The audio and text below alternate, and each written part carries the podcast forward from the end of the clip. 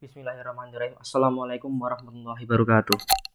Selamat malam, salam sejahtera bagi kita semua. Untuk teman-teman yang mendengarkannya di pagi hari, maka mengikuti selamat pagi, selamat beraktivitas. Untuk teman-teman yang mendengarkan sembari melakukan aktivitas, semoga diberi kelancaran akan apa yang mereka lakukan, apa yang kalian lakukan atau pemirsa lakukan, semoga berakhir bahagia. Intinya, Doa saya terus ter tercurahkan pada teman-teman pemirsa kalian semua. Ya karena ini saya merekamnya di jam setengah 11 mungkin suara saya mungkin agak saya kecilkan ya.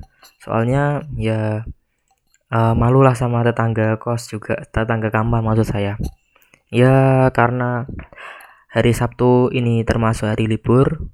Libur tidak ada jam kuliah atau mata kuliah yang terjadi atau ada ibaratnya tidak ada jam SKS di hari Sabtu, maka mungkin topiknya mungkin sesuai dengan rencana kemarin. Yakni saya akan membahas tentang game yang mungkin sudah saya mainkan ya. Ya alasan saya kenapa ngerekamnya jam setengah malam ini karena apa? Ya karena keseringan main game tadi. Game apa? Ya ini game sandbox yang dibuat oleh programmer asal kayaknya asal Swedia ya kayaknya ya. Eh, asal mana ya intinya uh, orang luar lah intinya. Nah game sandbox yakni Minecraft. Minecraft Minecraft Minecraft. Siapa sih yang nggak tahu Minecraft? Oh, para para gamer pasti udah tahu lah tentang game yang legendaris ini. Game yang kotak-kotak tapi harus memerlukan spek PC yang tinggi seperti itu. Ya selagi saya bahas tentang tentang apa per, uh, pergiman tapi alangkah baiknya saya ingin juga membahas tentang sesuatu. Yakni tentang oh, ad, tentang ada kakak tingkat saya teman kakak kelas teman ya teman angkatan tem, bukan bukan teman angkatan yang sempat kenalan ketika masa-masa orientasi. Ya beliau atau dia maksud saya dia membuat tweet di Twitter tentang ya tentang jurusan saya maksud saya ya jurusan ilmu perpustakaan. Ya, pastilah teman-teman. Tahu kalau saya itu jurusan ilmu perpustakaan. Karena saya sudah mengungkapkannya di beberapa hari yang lalu atau beberapa episode podcast yang lalu. Oke jadi uh, teman saya atau kakak tingkat saya itu memaparkan tentang ilmu perpustakaan. Apa sih ilmu perpustakaan? Ya sebenarnya saya juga bisa mengungkapkan pendapat sendiri tapi alangkah baiknya untuk kakak tingkat sepertinya dia udah udah talented. Jadi nampaknya ini bisa jadi rujukan lah. Karena dia udah semesternya udah di atas saya yang pasti pengalamannya kan sudah banyak seperti itu. Dia juga ikut organisasi kayak gitu. Ya berbeda dengan saya yang ibaratnya masih hitungannya masih no lab seperti itu. Saya menyadari kalau saya itu no lab maka dari itu saya harus berusaha dekat-dekat sama orang yang nggak no lab agar terlihat tidak no lab seperti itu. Oke kembali ke topik. Nah uh, tentang ilmu perpustakaan. Jadi perpustakaan itu sebenarnya uh, untuk paradigma teman-teman atau adik-adik kelas pasti kan berpikir perpustakaan seperti uh, sebuah tempat, sebuah tempat yang banyak buku pasti itu rak ya itu pasti perpustakaan kalau nggak ada raknya itu mungkin bukan disebut perpustakaan mungkin namanya perpustakaan digital mungkin ya. Ya pasti ada kaitannya tapi perpustakaan dalam jarak pandang atau dalam sudut pandang konvensional atau tradisional itu pasti e, merujuk kepada secara fisik entah itu buku entah itu rak seperti itu. Jadi perpustakaan oh saya dulu mau nanya seperti itu juga. Jadi perpustakaan saya gambarkan sebagai tempat yang banyak buku rak terus e, kalau datang harus absen. Intinya menulis daftar hadir kalau berisik ya nanti dipololatin sama penjaga perpustakaan tersebut atau petugas pustakawan. Nah itu memang paradigma konvensional yang mungkin sekarang mungkin e, namanya udah nggak berlaku kayaknya ya. Karena saya melihat di perpustakaan khususnya di perpustakaan kampus UIN Sunan Kalijaga itu perpustakaannya kan ada ada empat lantai. Itu e, meskipun saya membuat keributan, maksud saya e, meskipun saya ngobrol dengan volume suara yang wajar, maksudnya uh, untuk tiga orang berdekatan itu uh, saling saling tatap pandang itu tetap mendengar sebatas itu itu tidak akan terjadinya pengawas akan memelototi kami dalam berbicara tersebut jadi untuk paradigma tentang perpustakaan yang ada penjaga yang galak aku rasa itu sudah uh, mungkin sudah nggak berlaku atau expired. Ya karena apa? Karena ya perpustakaan sekarang ya karena mungkin karena tempat perpustakaan yang lebar ya. Uh, untuk dulu mungkin perpustakaannya kan terhitung sempit ya karena paradigma saya itu perpustakaan tuh merujuk kepada tempat yang sepi terus nggak uh, begitu luas karena buku, udah penuh sama buku-buku seperti itu. Nah, tapi zaman sekarang itu udah enggak perpustakaan kampus ya khususnya ya perpustakaan kampus itu uh, di kampus UIN Serang Kalijaga untuk perpustakaan di Jakarta saya juga belum explore itu uh, udah banyak uh, udah banyak buku terus lantainya 4 itu udah lantai 4 itu ada banyak ruangan-ruangan seperti itu. Jadi kemungkinan untuk membuat keributan itu harus dengan suara yang ultra kenceng kayak gitu. Dengan suara yang normal saja di jarak-jarak beberapa meter tertentu orang tersebut tidak terganggu. Jadi aman-aman saja kalau misalnya ingin berdiskusi di perpustakaan, ngobrol. Tapi ini saya tidak menganjurkan. Hanya saja kalau misalnya emang itu harus dilakukan, misalnya ingin berdiskusi atau ada suatu kejadian di mana kalian harus berbicara gitu. Nah, itu bisa dilakukan. Tapi alangkah baiknya untuk diskusi jangan dilakukan di perpustakaan karena menjaga-jaga untuk agar kita tidak melakukan zolim, tidak melakukan yang mana tidak melakukan sesuatu pada tempatnya seperti itu. Karena perpustakaan kan tempat untuk belajar atau berkonsentrasi atau mencari buku, mencari referensi, mencari data, mencari informasi. Alangkah tidak baiknya kalau kita mengobrol di situ itu sangat tidak etis, konon seperti itu. Nah, sekarang kembali ke topik ilmu perpustakaan. Perpustakaan itu apa sih? Kenapa kok nata buku itu juga harus ada ilmunya? Bahkan ada yang mengatakan cuma nata buku aja harus kuliah disertai dengan ekspresi tertawa. Ya, katakanlah uh, ada lah orang seperti itu. Ya mungkin karena dia sendiri belum tahu. Ya tidak perlulah kita ketika kalian untuk khususnya di jurusan perpustakaan sering ke-trigger ya. Karena uh, jujur saya sendiri juga sering dibegituin. Ya ini bukan curhat tapi memang kenyataan saya juga awalnya masuk perpustakaan itu uh, bisa dikatakan tidak sengaja, maksudnya tidak ada rencana sama sekali seperti itu. Ya mungkin untuk yang cerita ini saya ceritakan di episode yang selanjutnya atau yang akan datang seperti itu.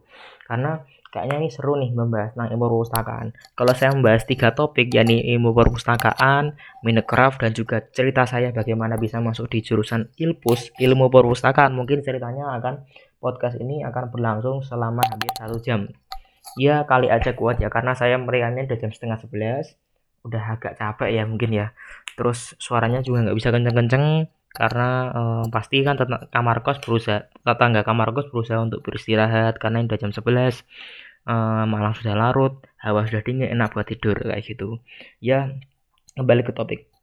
Ilmu perpustakaan itu ya emang uh, sebuah ilmu untuk perpustakaan emang dikhususkan. Jadi mahasiswa di ilmu perpustakaan tuh emang udah uh, skillnya lah untuk menata-nata seperti itu. Tapi jangan kalian samakan menata-nata buku itu dengan menata-nata buku dengan cara pandang kalian. Misalnya ya, saya itu pernah dibercandain sama teman ya. Teman-teman ya khususnya teman-teman SMA, teman MA lah. Kalau saya kan dulu kan madrasah aliyah, bukan SMA ya. Ini ya sederajat lah, SMA sederajat. Uh, ketika mendapati saya keterima di jurusan Ilpus, di khususnya di Universitas Islam Negeri Sunan Kalijaga Jogja, itu langsung seketika diberi kata-kata bercandaan seperti ini. Uh, bahasa Jawa, tapi intinya terjemahannya seperti ini. Uh, kamu kan udah keterima di jurusan gitu. Uh, yang konon uh, nata-nata buku kan, ini loh lemariku berantakan kayak gini gini gini. Tolong tolong itu rapikan. Nah, itu emang uh, ya yes, itu emang wajar lah kayak gitu kan. Namanya juga saking deketnya temen terus bercandanya sampai dark kayak gitu. Ya enggak enggak. Maksud saya emang ya emang kayak gitu uh, bercandaan yang kayak gitu kan emang ciri khasnya bercandaan khas seperti itu kan.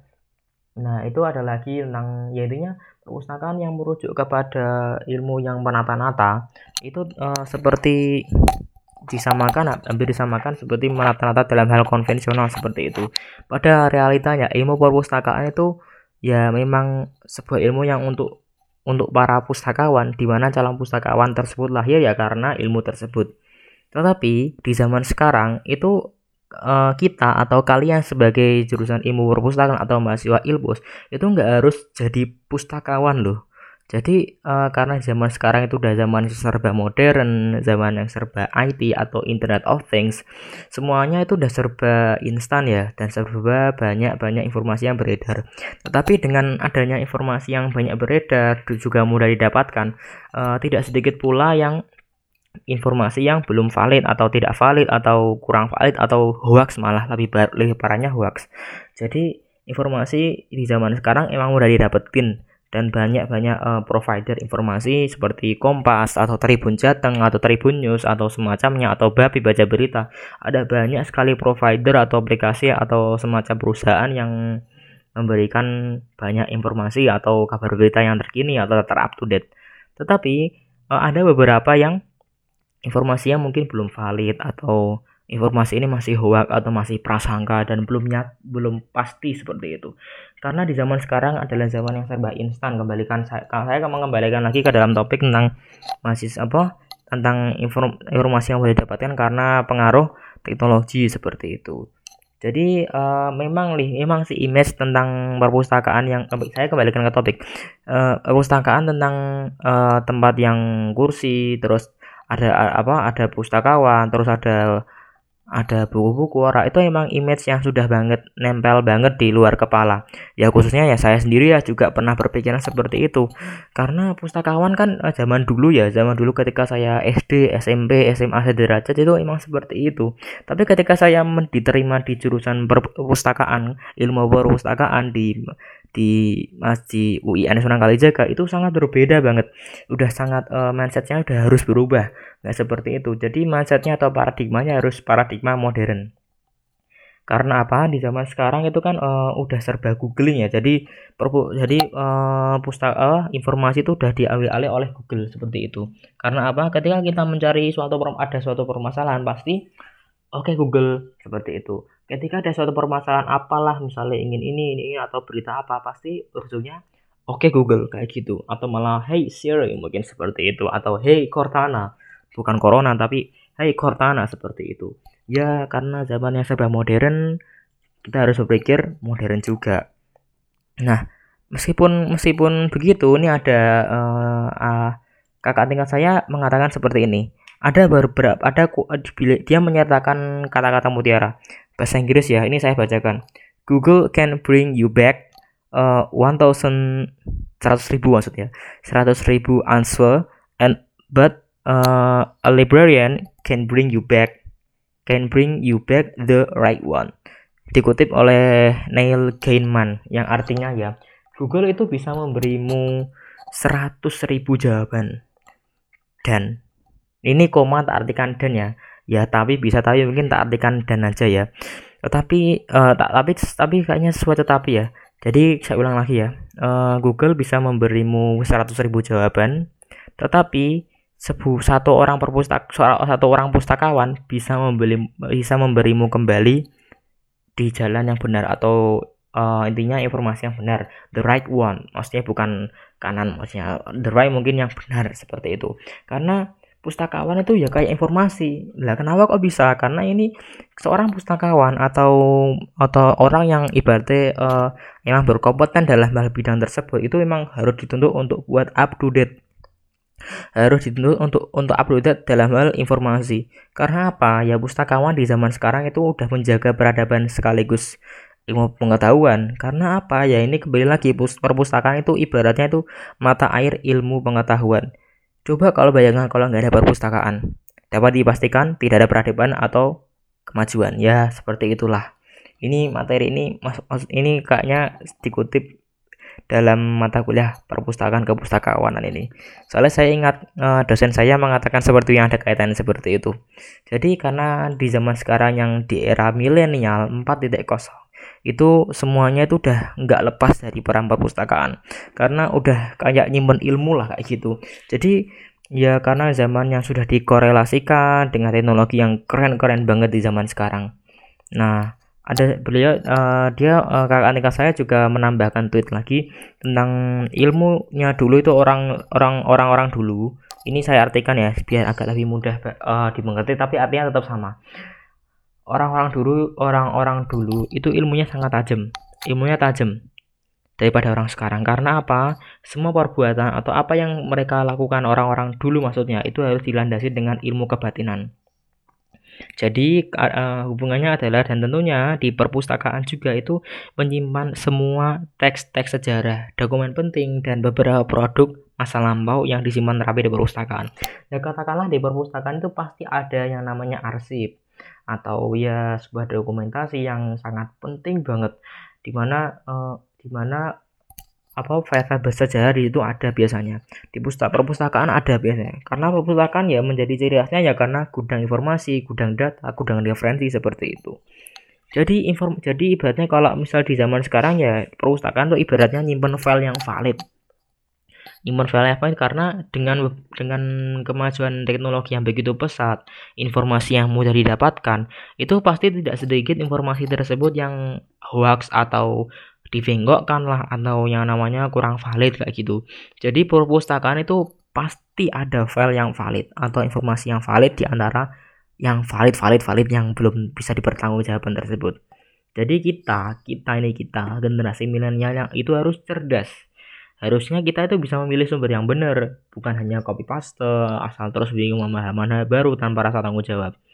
Jadi uh, intinya ketika kita mendapatkan informasi uh, terus kita tidak menge-share atau membagikan kembali atau mengetweet ulang kita harus paham ini tuh informasi tentang apa kayak gitu jadi ketika kita membacot maksud saya bukan membacot kita ketika kita meng berujar tentang oh, tentang menyingkapi ini itu ada rasa tanggung jawab jadi oh ini ada hubungannya gini bu. Jadi saya ketika menyampaikannya tidak tidak ada sesuatu yang saya selewengkan kayak gitu. Nah di ilmu perpustakaan itu di zaman sekarang malah bukan buku-buku doang malah. Malah kayaknya itu udah nggak buku malah. Mungkin ia masih buku tapi kecenderungannya itu dalam hal dalam bidang ke informatika teknologi atau IT lah kayak gitulah.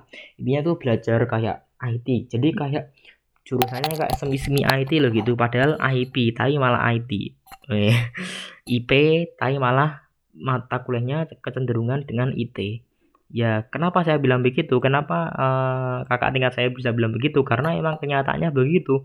Di zaman sekarang kan teknologi udah maju kan. Jadi perpustakaan juga harus berkembang turut ikut maju. Uh, jadi jadi di sana tuh di perpustakaan tuh ada kayak mata kuliah ada mata kuliah yang adalah hal yang wajib kayak gitu. Jadi nggak cuma melulu menata buku melayani peminjaman terus memberikan denda kalau misalnya ada pemustaka atau pengguna perpustakaan yang mengembalikannya telat kayak gitu. Yes, itu kan paradigma lama ya tapi zaman sekarang udah nggak kayak gitu. Zaman sekarang kan udah serba modern semuanya udah diurus oleh sistem. Jadi kita seolah membuat sistem yang mana membantu tersebut di mana itu akan dibahas dalam mata kuliah sistem informasi perpustakaan kayak gitu yang ada kaitannya seperti itu. Nah ya meskipun meskipun perpustakaan ilmu perpustakaan kayak gitu-gitu aja kalau dilihat dari pandang orang lain bukan kita yang mengalami itu ada orang yang uh, teman saya tem masih kakak tingkat saya tuh uh, bercerita lagi kalau dia tuh punya saudara yang pernah KKN di sekolah. Dia tuh mengatakan kalau ngolah buku itu atau maksudnya mengolah mengolah buku ya maksudnya ya seperti katalogisasi seperti itu di episode selanjutnya kan di episode sebelumnya. Saya pernah menerangkan tentang katalogisasi. Ya ini seperti ya pengelompokan buku. Misalnya buku ini itu membahas tentang apa jadi dikelompokkan dengan buku ini yang bahasanya inti bahasanya sama. Jadi misalnya buku sastra ya sama buku sastra, buku biologi ya sama buku biologi, buku yang ada hubungannya sama rekreasi atau kreasi ya disendirikan kayak gitu. Dan itu nggak semudah yang kalian kira bro. Jadi emang sulit kalau misalnya nggak emang uh, bukan passionnya atau belum mempelajari itu emang sulit banget karena ya emang sulit gitu loh. Nah belum lagi ada mata kuliah lagi yang mungkin ini kalau saya kalau ini bukan saya katakan pusing ya. Um, ini kakak tinggal saya mengatakan kalau pusing tujuh geling di mata kuliah otomasi perpustakaan. Nah ini menurut saya itu ini adalah tantangan. Ini adalah challenge buat kita buat kita sebagai mahasiswa jurusan ilpus itu adalah challenge. Jadi ibaratnya tantangan karena no sacrifice no victory. Kembali ke quotes dari film Transformer itu ya gitu Nah, kalau misalnya ada orang yang nggak bener atau nggak bisa betul menguasai purpose atau emang nggak atau nggak passionnya itu pasti uh, semrawutan atau nggak sesuai atau ya intinya ya nggak nggak nggak sesuai gitu loh. Karena menata buku saja itu ada ilmunya loh bro. Jadi tolonglah teman-teman ya untuk yang kadang mau memandang rendah ya bukan memandang rendah. Kadang itu suka uh, seperti membandingkan ya antara jurusan ilmu perpustakaan dengan jurusan pariwisata misalnya atau jurusan ilmu perpustakaan dengan jurusan IT misalnya. Jadi nggak usah dibanding-bandingkan. Dan juga jangan bilang kalau jangan kali kalian tuh jangan memberikan statement tentang nata buku aja harus kuliah. Enggak karena ini nata buku bukan hanya sekedar menata. Karena menatanya ini uh, penuh dengan estetik logika yang begitu mengembang algoritma kayak gitu loh. Wah, wah, wah, seperti itu.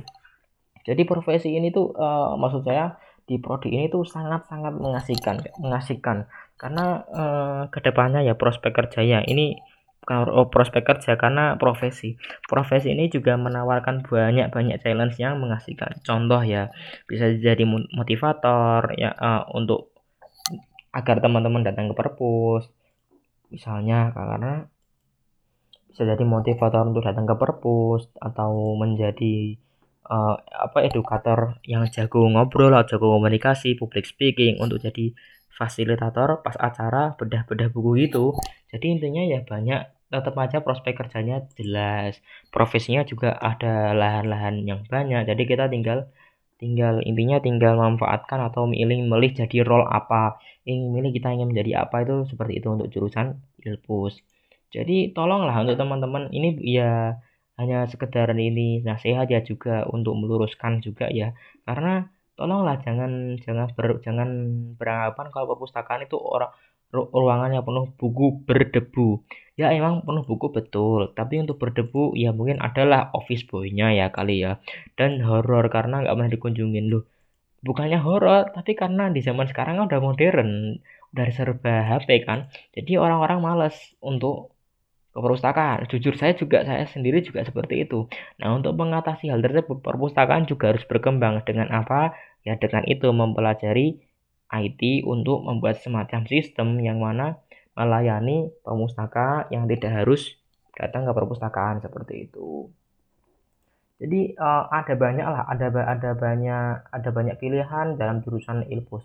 Nggak cuma melulu-lulu yang berkaitan dengan buku atau apa. Bahkan sejujurnya itu di jurusan ilpus itu sangat seru banget. Untuk untuk kalian yang ya menurut saya jurusan ilpus itu hitungannya itu santai karena hitungannya santai kenapa saya bila, bisa bilang begitu saya me, saya membandingkan di jurusan lain yang mana jurusannya termasuk elit saya bukan merendahkan ilmu perpustakaan ya tapi sebenarnya ya perpustakaan tuh oke okay banget bro.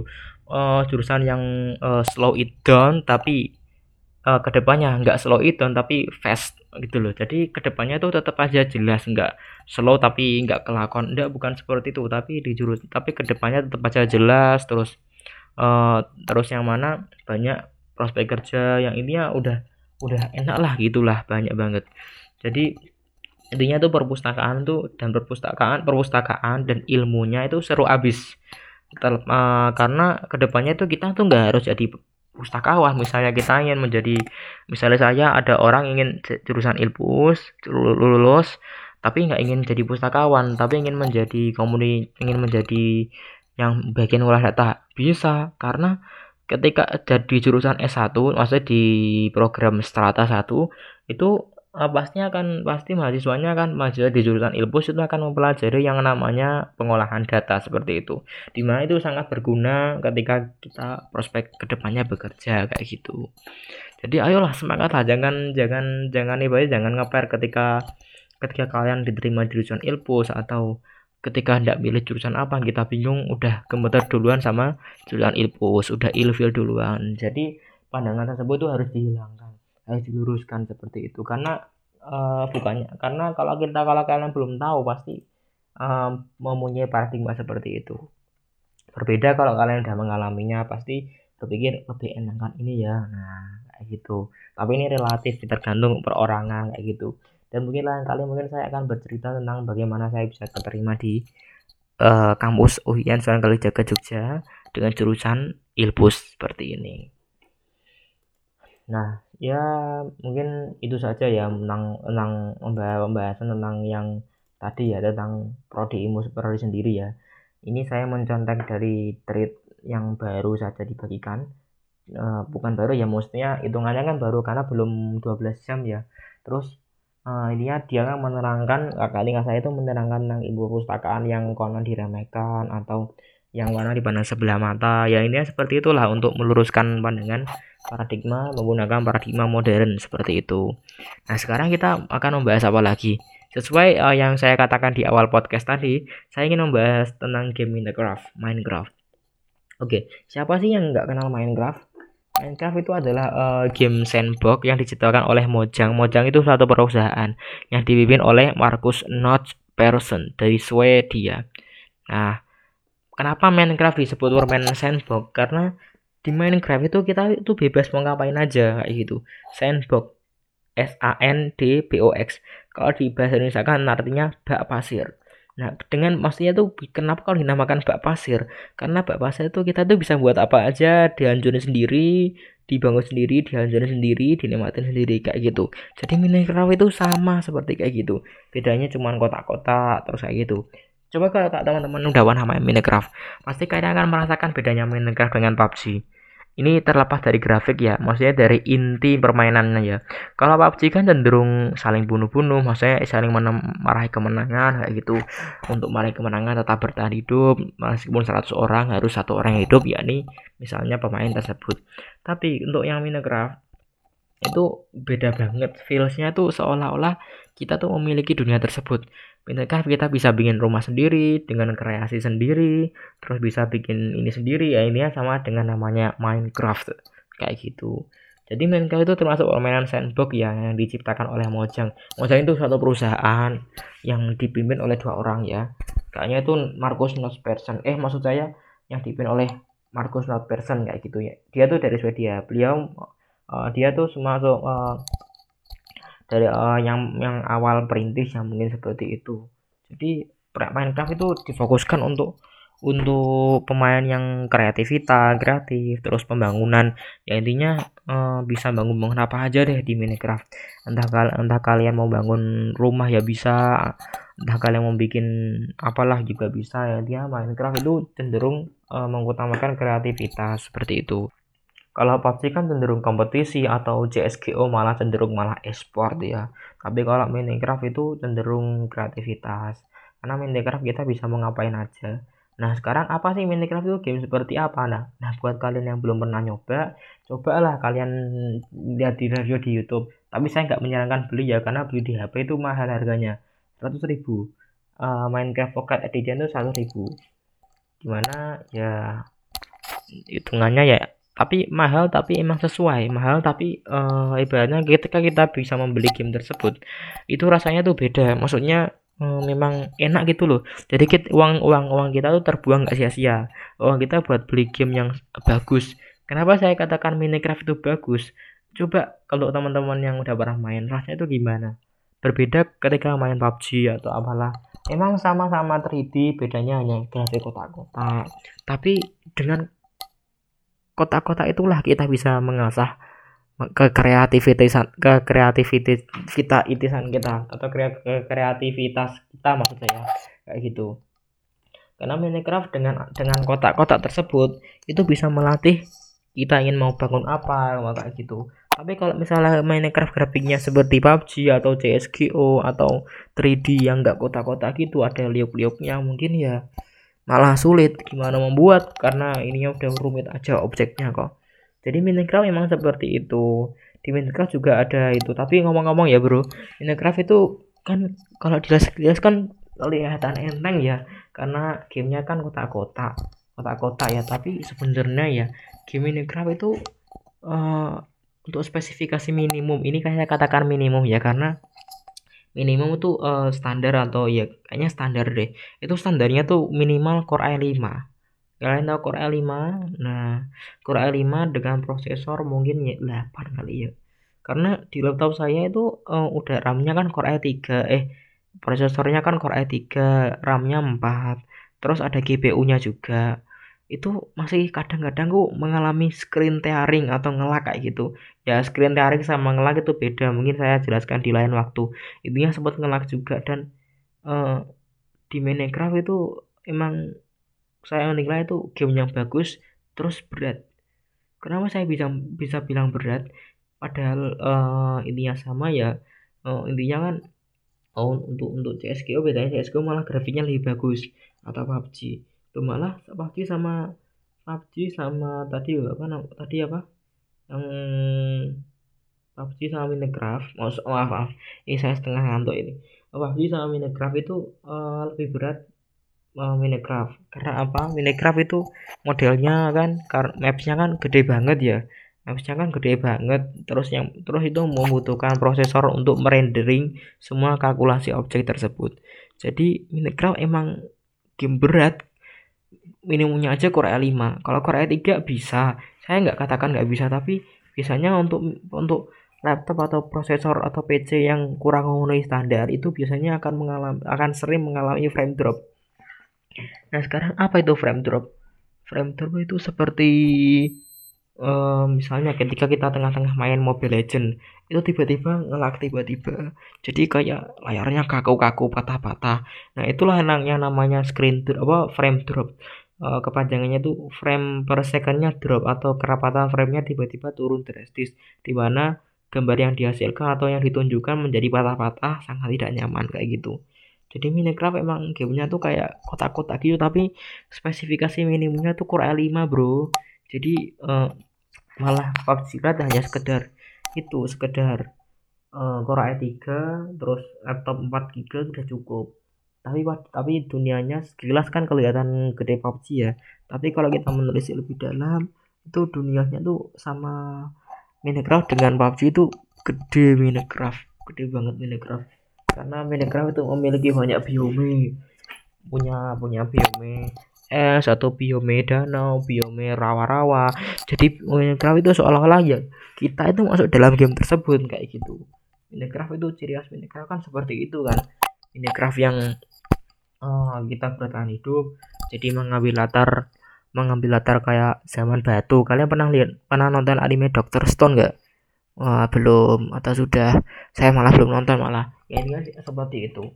Jadi Minecraft itu uh, sangat asik. Apalagi kalau dimainkan dua orang tiga orang empat orang pakai LAN atau Realms kayak gitu. Aku nggak nggak bisa ngebayangin serunya kayak gimana karena uh, ya emang dulu pernah saya mabar Minecraft pakai pakai Android ya. Cuman sebatas LAN ada tiga orang. Alhasil ya emang seru banget. Itu di HP belum di laptop atau di PC lebih seru bagi lagi tentunya. Jadi kesimpulannya itu Minecraft itu emang game yang sangat mengasah kemintaan otak kekreativitasan otak atau um, dalam hal ya kalau, kalau kalian ingin main dalam uh, mainnya serius ya bisa. Kalian selesaiin uh, ceritanya. Ya ceritanya kan intinya kan uh, berhubung uh, seperti uh, mengalahkan monster ya. Tapi itu bukan cerita utama. Jadi uh, teman-teman kalau ingin main tuh boleh mau ngapain aja terserah. Nggak harus kayak gitu nggak harus ekstrim gitu atau yang atau kalian bisa santai seperti di youtuber youtuber YouTube Minecraft kayak gitu. Ya intinya gamenya tuh sangat sangat berat ya karena kau bilang berat karena emang berat bro. Ketika objeknya banyak kan Minecraft kan renderingnya yang lama kan rendering ya menurut saya ya karena laptopnya termasuk laptop low end ya punya saya ya. Itu emang loadingnya saja waktu awalnya itu berat banget. Terus uh, loading dunianya juga gitu. Jadi tidak menutup kemungkinan kalau game ini memang pantas mendapat core i5 atau spesifikasi minimumnya harus core i5 itu kalau kalau kita nggak ingin ketika main nggak ngelak kayak gitu patah-patah. Ya intinya seperti itu. Jadi ah doh ya Gusti aku udah ngantuk banget nih. Mungkin mungkin podcast kali ini saya sudahi saya selesai. Uh, nantikan di episode selanjutnya. Mungkin saya akan membahas membahas apa ya? Kalau ada teman bicara mungkin aku mau bahas. Rencana besok Senin. Berarti malam Sabtu ya. Malam Sabtu saya rekaman terus Jumatnya saya unggah kayak gitu. Jadi mungkin di hari Senin itu mungkin saya mau mau ada kayaknya ada tamu nih. Ada teman yang mau diajak ngobrol diskusi bareng. Ya udah uh, nantikan di episode selanjutnya. Terima kasih atas teman-teman yang udah menyisakan waktu buat nonton atau buat ya intinya udah udah sisaan waktu untuk dengerin podcast ini yang ber, berdurasi 30 menit lebih. Kayak gitu Terus pokoknya saya butuh kritik dan saran juga untuk ke depannya bisa jadi lebih baik. Nah, kayak gitu. Assalamualaikum warahmatullahi wabarakatuh. Selamat malam salam sejahtera bagi kita semua